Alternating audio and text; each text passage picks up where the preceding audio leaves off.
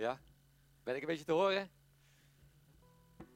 Eh, we zitten inderdaad in een serie over de kerk, omdat we vijf jaar bestaan. En eh, eh, als, je, als je hier staat, dan is dat ook iets om enorm dankbaar voor te zijn. We zijn begonnen met 35 volwassenen. 35 hier, de eerste paar rijen zaten vol. En de rest was helemaal leeg. Nu, nu is het vaak een beetje andersom. En enorm dankbaar voor, voor, voor de afgelopen vijf jaar. Dus we gaan het hebben die andere Matthijs, die heeft al een keer iets gezegd over, over de kerk en Wilfred. En ik mag vandaag iets gaan doen. We zijn een kerk waarin we ja, verzamelen, zeggen we dan in onze waarden, verzamelen rondom Jezus. We willen Jezus centraal hebben staan. Dat dit een plek is waar, of je nou helemaal misschien zelfs niet eens gelooft, hè, of er een beetje over nadenkt, of dat je al heel lang gelooft, dat we verzamelen en dan samen willen nadenken, wat, wat staat er nou in die Bijbel? Wat geloof ik en, en hoe is het om Gods stem te verstaan? En we zijn een kerk die ook inclusief wil zijn. Dus we hebben niet allerlei regeltjes, een bepaald eh, hokje met allerlei regeltjes. En als je nou daaraan voldoet, dan mag je meedoen. En, en je hebt ook allerlei andere hokjes met dingen die, waar, die dan niet zo goed zijn. En we hopen dan dat je bij ons komt, bij de goede. We proberen een inclusieve kerk te zijn. En samen te kijken van wat staat er nou in die Bijbel. Ik, uh, ik ben trouwens Matthijs. En, uh, je mag onderdeel zijn van de leiding van, uh, van de Stadskerk. En ik, ik, ben al een beetje wat ouder. Ik kom uit de tijd dat dit echt best wel een cool liedje was.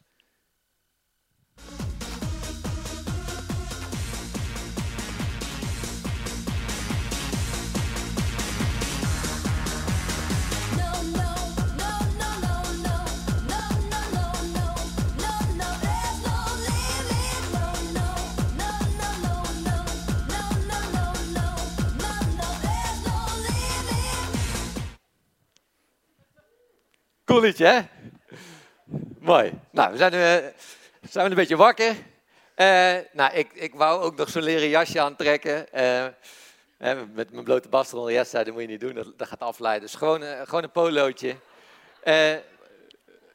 dat was een beetje mijn jeugd. En we zijn een inclusieve kerk, zei ik al. Maar laatst hoorde ik iemand, die wilde ik meenemen. En die zei, nou, ik heb eigenlijk nog niet alles op orde in mijn leven. Dus ik, ik weet niet of ik daar tussen pas, daar in de stadskerk.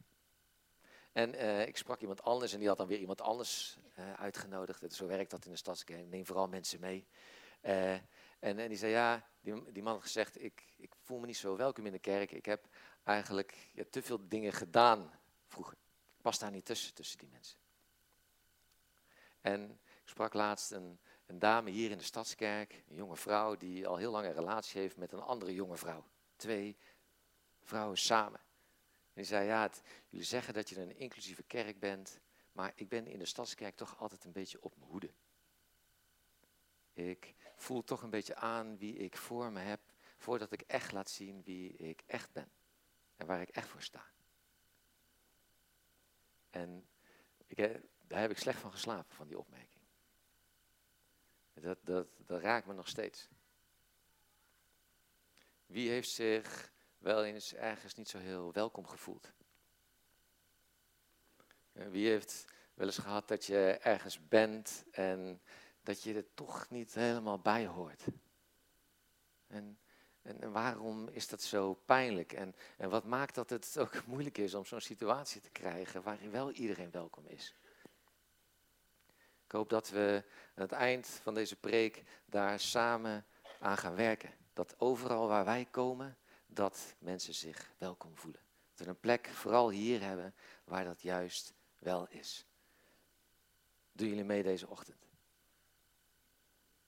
Dat gaan we doen aan de hand van de bergreden. Daar gaan we naar kijken samen. De bergreden is een reden van Jezus vanaf een berg. Uh, dat is uh, vrijwel aan het begin van zijn bediening. En vanaf het begin dat hij laat zien wie hij echt is en wat hij kon doen. En hij spreekt daar dan van die berg.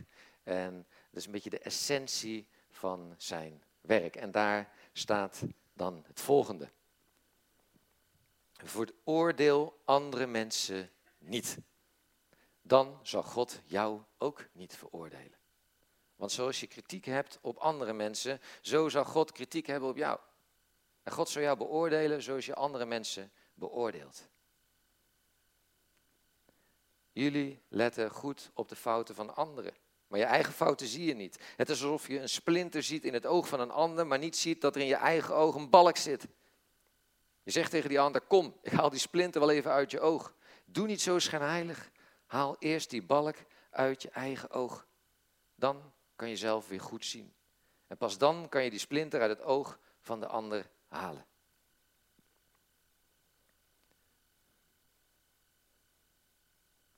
Ik wil deze ochtend een beetje een experimentje met jullie doen. Dat we een, een Bijbeltekst gaan onthouden. Misschien cool, hè? Kan je een keer op, op een feestje zeggen van, nou, ik ken de Bijbeltekst in mijn hoofd. Misschien niet zo cool, maar dat is, is heel mooi om Bijbelteksten uit je hoofd te leren. Uh, dus Matthäus 7, vers 1, daar staat, veroordeel andere mensen niet. ik wil vragen of jullie met me meedoen. Ik zeg de eerste zin, hè, veroordeel andere mensen, of jullie dan niet willen zeggen. Ja, dan blijft dat een beetje hangen deze ochtend. Dus eh, schud, even je, schud even met je schouders heen en weer. Zo, hè. schud even met je armen heen en weer. Iedereen? Elle ook? Ja? Goed zo. Eh, veroordeel andere mensen. Goed zo. Nou, nog één keer, zodat we net doen of het leuk vinden. Ja? Veroordeel andere mensen. Oké. Nou, onthouden. Uh, ik vind dat best wel een pijnlijk zinnetje eigenlijk. Veroordeel andere mensen niet. Als ik, ik worstel daar wel eens mee. En wie heeft wel eens dat hij iemand op zich af ziet lopen en dat je aan de hand van zijn kleding al vrij snel een beetje denkt van, nou, daar, daar, die mag ik wel. En wie heeft er eigenlijk binnen drie seconden al door dat, nou, die, dat, je, een, dat je een klik hebt met iemand. Hè? Dat je een beetje weet van, nou, die, die zit ongeveer daar. Sommige mensen hebben niet een hand opgestoken.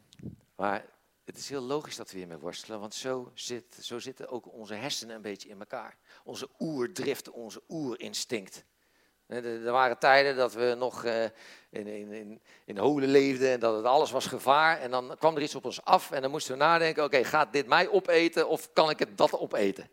dus, dus direct moest je binnen een paar seconden een, een beslissing maken, een oordeel vellen. Het zijn oerdriften die nog een beetje in onze hersenen gebakken zitten. Dus als er iets op ons afkomt en we zien het aan de manier van lopen, of de manier van praten, of de kleding, dat je, dat je heel snel in je hoofd al een oordeel maakt, ben ik veilig? Maar die oerdriften, dat kan ook hele erge gevolgen hebben. Dat het oordeel veroordelen wordt. En dat je inderdaad andere mensen veroordeelt. Het kan zelfs hele verstrekkende gevolgen hebben. Ik hoorde laatst een podcast, en die ging over de toeslagenaffaire. En die zei zelfs dat het in Nederland nog een stukje erger is. En hoe kan het nou dat dat zo gebeurd is? En een van de redenen die, hij, uh, die een of andere professor zei, is dat dat kwam uh, ook door onze verzelde maatschappij die we vroeger hadden.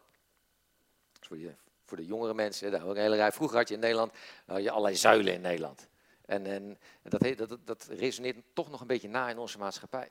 Je had, je had, de katholieken, je had de protestanten, en dan binnen de protestanten had je dan weer de gereformeerden, en je had de, de, de, socialisten, de humanisten, en die hadden eigenlijk allemaal een eigen, eigen hokje.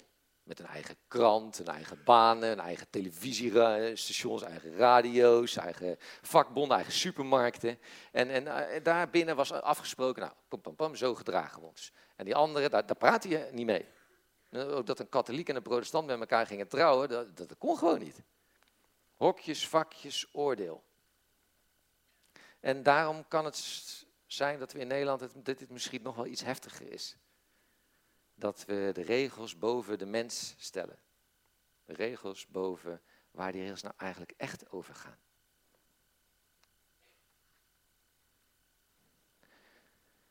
Dat oordeel van ons, die oerdrift, dat is soms ook maar gebaseerd op een half verhaal. Ik, ik, is een hele bekende eh, anekdote van meneer Stephen Covey. Die heeft heel veel managementboeken geschreven, misschien uh, ken je die wel. En die heeft een, een, verhaal wat me altijd raakt. Het is echt een mooi verhaal. Hij, hij, zit, in de, hij zit in de metro, boek aan het lezen. Heerlijk rustig. Boekje lezen, ontspannen, terug voor zijn werk. Komt een een man die metro in met drie kinderen. En die kinderen breken de tent af. Ja, die, die gaan de ene metro ticketjes spelen of zo. Die rennen, die springen overal, die duwen tegen mensen aan. En die vader die zit een beetje voor zich uit te kijken. En, en, en Stephen Covey, die oeren, die driften, die komen boven en die denkt, wat vervelende kinderen. Mijn kinderen waren, die waren niet zo. En die vader, nou, ik, ik heb mijn kinderen wel opgevoed. En, en dat gaat zo door. Hij komt niet meer in zijn boek. En op een gegeven moment maakt hij een cynische opmerking naar die man van, eh, heb je hulp nodig of zo? En, en die vader zegt, uh, ja, ja, sorry, graag. Ja, we komen net terug uit het ziekenhuis. En uh, ja, ik, ik heb mijn vrouw, we hebben te horen gekregen dat ik mijn vrouw ben verloren. En, en deze kinderen zijn hun moeder kwijt. En ik, heb, ik weet er helemaal geen houding. En mijn kinderen weten het ook niet. Binnen een tel is dat hele oordeel van die COVID totaal 180 graden omgedraaid. Van, van irritatie naar liefhebben, van irritatie naar, naar zorgen. Wie heeft er wel eens een, een beeld van iemand gehad en als je dan het hele verhaal hoorde, dat je, toch op een andere manier daarna ging kijken?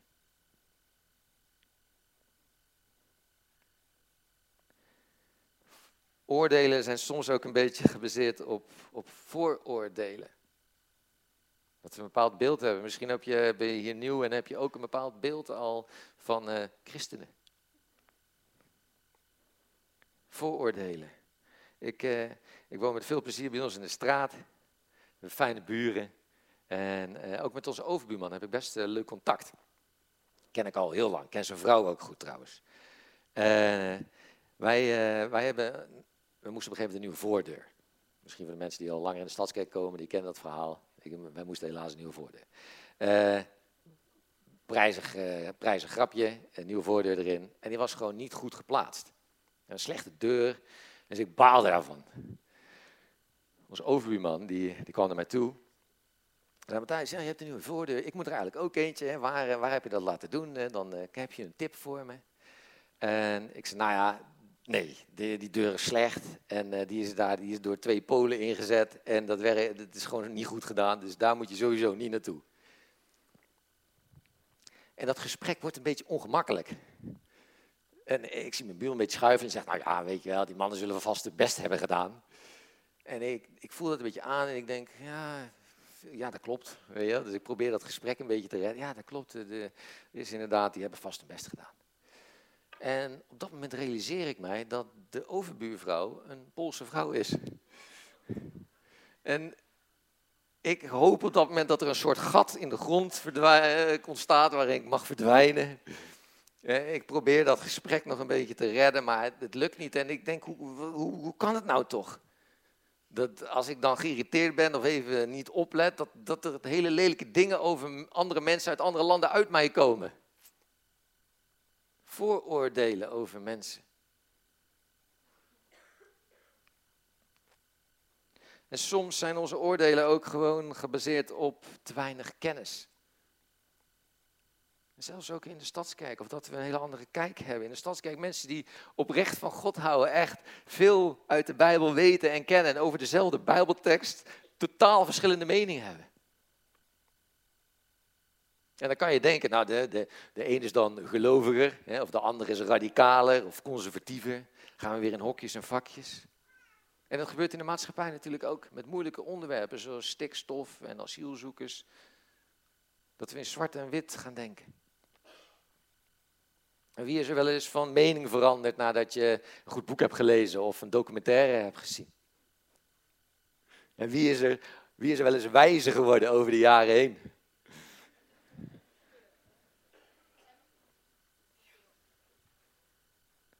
je leest in die bergreden, dan gaat het over uh, ook die, die balk in de ogen hebben ze het over.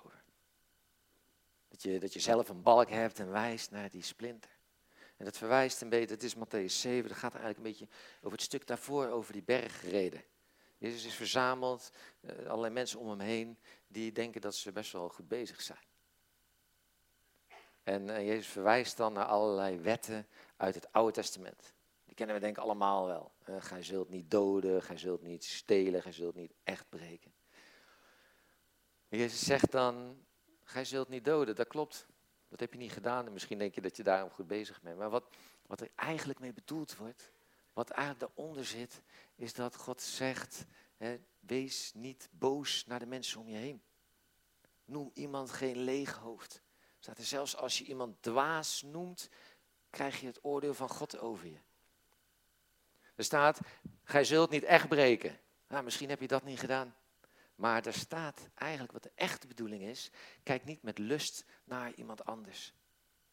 En als, als je dat toch doet, is het beter om je oog uit te rukken dan het oordeel van God over je te krijgen.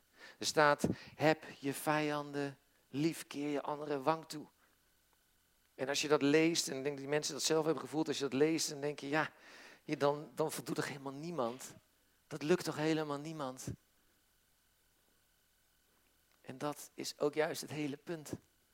Als je gaat ontdekken hoe groot God is. Als je gaat ontdekken hoe goed Hij is en hoe lang Hij er al was en hoe lang Hij er zal zijn, dan maak je dat een beetje nederig, dan maak je dat klein, dan ben je vol ontzag voor God. En dan kom je erachter dat in de buurt van die grote glorie niemand voldoet. Dat we het allemaal niet redden.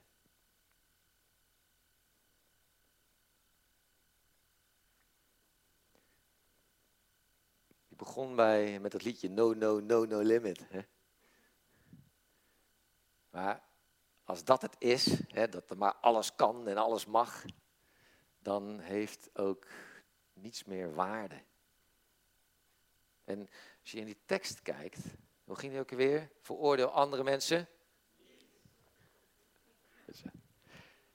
Er staat niet veroordeel andere mensen niet omdat, omdat God dat ook niet doet. Staat er niet.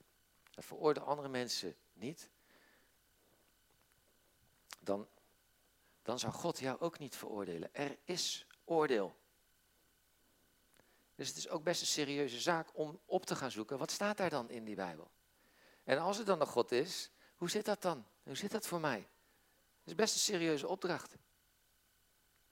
En ook later, in, in diezelfde bergreden, dan, dan gaat het ook een stukje over oordeel. Dan zegt Jezus, pas op voor valse leraren. En je herkent ze aan hun vruchten.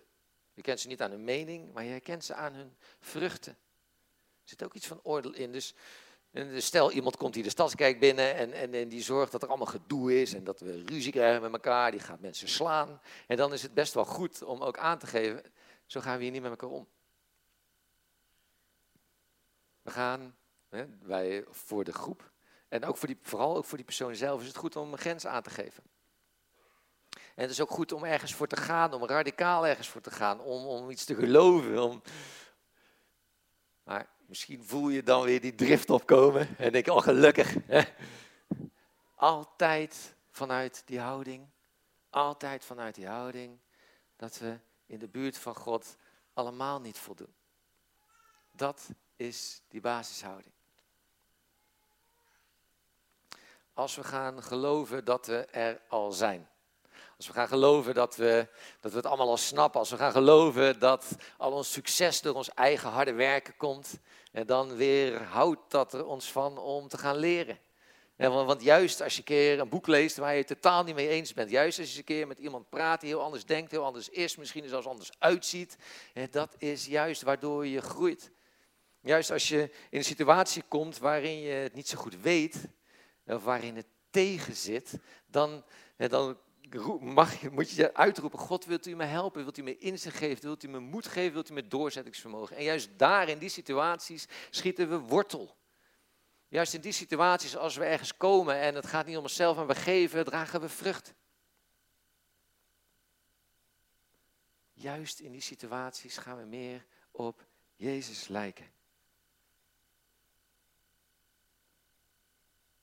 Dat we allemaal tekortschieten is geen slap verhaal.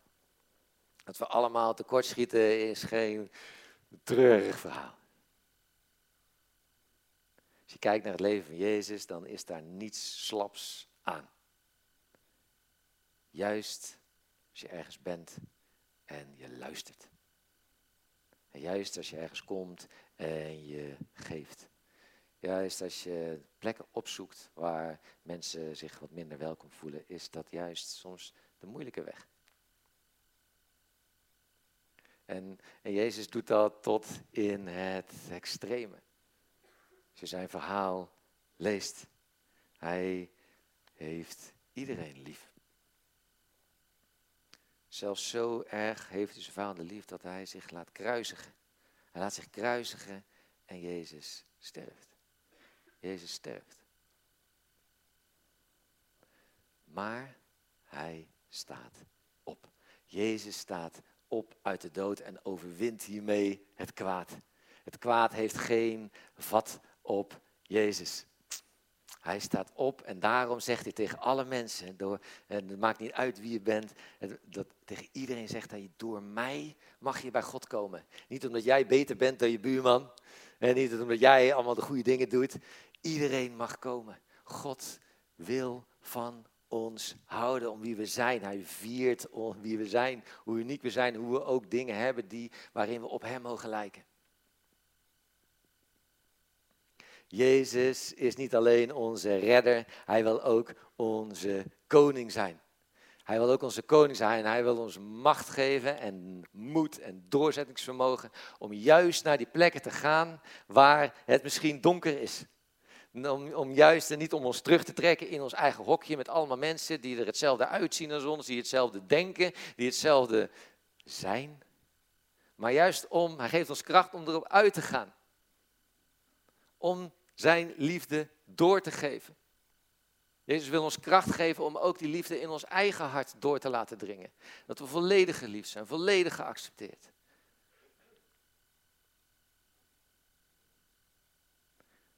Zullen we één ding afspreken? Dat als we van de week op een plek zijn, op een plek zijn waarin we omringd zijn door mensen die misschien anders zijn, anders denken. En we voelen wat van die oerdriften opkomen. Dat we dan daar zijn en liefde geven. We vragen, God, wilt u mij kracht geven, wilt u me moed geven, zodat ik volledig vrij, zonder angst, zonder oordeel hier mag zijn en zo die liefde mag doorgeven die ik van u gekregen heb. Zodat op elke plek waar jij komt van de week, mensen zich wel welkom voelen. Dat overal waar jij komt mensen zich geliefd voelen. En ik, ik hoop bovenal hier met elkaar. Bovenal dat dit een plek is waar we Gods liefde mogen ervaren. Dat we luisteren en niet de discussie willen winnen. Dat we weten, we hebben verschillende meningen en dat is prima. Zullen we het afspreken? Veroordeel andere mensen is een oerinstinct. Ik wil alweer af gaan sluiten. Ik wil afsluiten met die, inderdaad die vraag dat als je ergens gaat komen van de week, dat je erop gericht bent om die ander welkom te heten en te omarmen. En juist te leren, zodat jij wortel kan schieten en kan groeien en meer op God mag gaan lijken. Vanuit Gods kracht. Helemaal vol moed van wat Hij je wil geven wil vragen of je daar serieus over na gaat denken. Hoe je deze week misschien die oerdrift wat gaat bedwingen. En dan wil ik doen uh, dat je daarover na gaat denken tijdens een liedje. En het liedje heb ik al eens een keer eerder laten zien. Sorry. Uh, uh, tijdens de allereerste coronadienst. online. Dus misschien heb je hem al een keer gezien. Maar ik, heb hem, ik luister hem zelf heel vaak, dus ik denk daar kunnen jullie ook al aan. Het is een lied van Joden en Arabieren die samen zingen tot God. Die samen zingen, samen het verlangen hebben om, omdat die veroordeling stopt, dat het gedoe stopt, de haat stopt. En ze zien uit naar die dag die gaat komen. En die dag gaat komen, mensen. Er gaat een dag komen dat Jezus terug gaat komen in al zijn heerlijkheid. En dat we bij hem mogen zijn. En dat het allemaal goed is met God tot in de eeuwigheid. Maar we mogen nu al de kracht krijgen van God om dat stukje van het koninkrijk nu al in ons leven uit te gaan leven. Vandaag de dag, morgen en de komende twee weken. En ik wil vragen of jij tijdens het liedje dit met die mensen meezingt. Weg met de haat, weg met het gedoe.